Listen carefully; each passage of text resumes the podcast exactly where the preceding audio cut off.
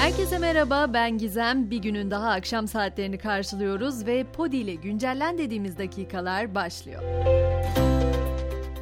11 ilde büyük yıkıma yol açan depremlerin ardından bölgede yeni yapılacak konutlar için çalışmalar büyük önem taşıyor. Çevre Bakanı Kurum 21 Şubat'tan bu yana 12.781 konutun yapım sürecinin başladığını duyurdu. Kurum 2 ay içinde de 11 ilde 244 bin konutun temellerinin atılacağını belirtti.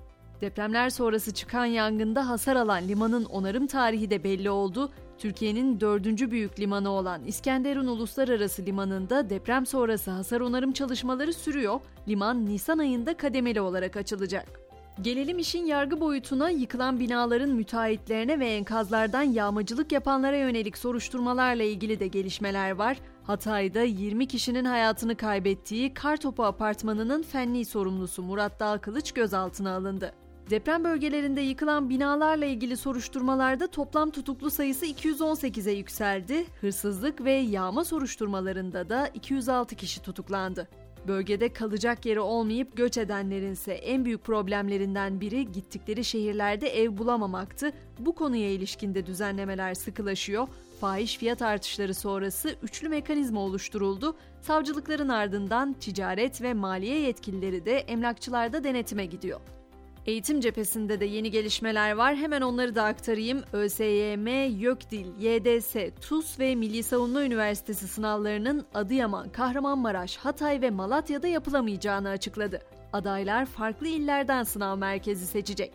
Deprem bölgesinden başka illerdeki okullara kaydını aldıran öğrenci sayısı ise 200 bini geçmiş durumda. En çok nakil yaptırılan il 27.679 öğrenciyle Ankara oldu.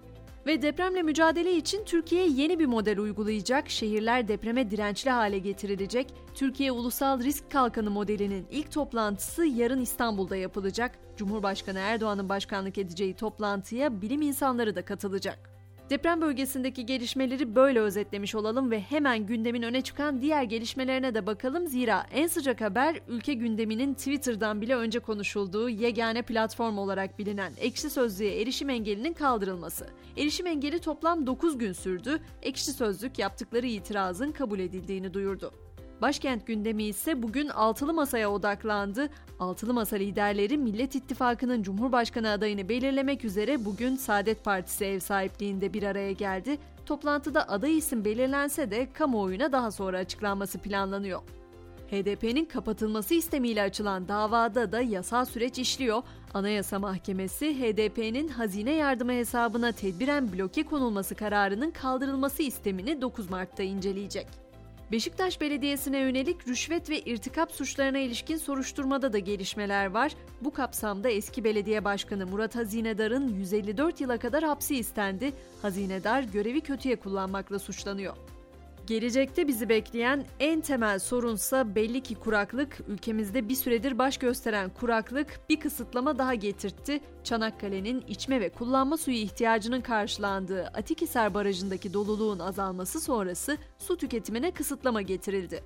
30 Nisan'a kadar geçerli karara göre halı ve araçların şebeke suyuyla yıkanması yasaklandı. Artık dünya diyelim Ukrayna-Rusya savaşı sürerken bölgeden saldırı haberleri de gelmeye devam ediyor. Rus güçlerinin Zaporijya'ya füze saldırısında bir apartman isabet aldı ve 4 kişi öldü, 8 kişi yaralandı. Biri çocuk 5 kişiyi enkazda arama çalışmaları sürüyor.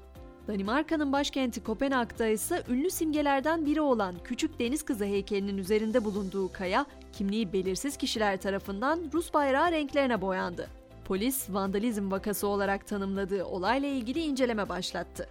Yurt dedik, dünya dedik, uzaya da hemen göz atalım. SpaceX, NASA'nın Crew 6 görevi için 4 kişilik mürettebatı uluslararası uzay istasyonuna taşıyan roketi fırlattı. Mürettebatta bir Rus kozmonotla Birleşik Arap Emirlikleri'nden bir astronot da yer alıyor. Artık spor diyelim. Kayseri Spor Fenerbahçe maçı için getirilen deplasman yasağı kararına dair açılan davada yürütmenin durdurulmasına karar verildi. Bu kararla birlikte Fenerbahçe taraftarları artık maça gidebilecek. Lionel Messi'nin bonkörlüğünden de hemen söz edeyim. Messi Dünya Kupası'nı kazanan Arjantin milli takımında tüm arkadaşlarına ve personele altın kaplamalı iPhone 14 hediye etti. Messi 35 telefon için 200 bin euro harcadı. Son durağımız ise Poto olacak. Basketbol Avrupa Ligi'nin 26. haftasında Anadolu Efes bu akşam Yunanistan'ın Panathinaikos takımıyla deplasmanda karşı karşıya gelecek. Bu mücadelenin başlama saati de 22 olacak. Ve güncellendi bugünün mottosunu yaraları sarmaya çalışırken gözden kaçmaması gerektiğini düşündüğüm bir konuya dikkat çekerek bırakmak istiyorum. Bu zorlu süreçte deprem bölgesinden gelen pek çok misafir var aramızda ve onlarla doğru iletişim kurabilmek çok önemli. O yüzden Cahit Zarifoğlu'nun cümlelerinden bir hatırlatmayla noktalayalım istiyorum. Yıkılmak sadece binalara mahsus bir şey değil ki Züleyha. Bir insanın bir cümleyle yıkıldığını gördüm ben. Yarın sabah tekrar görüşmek üzere. Şimdilik hoşçakalın.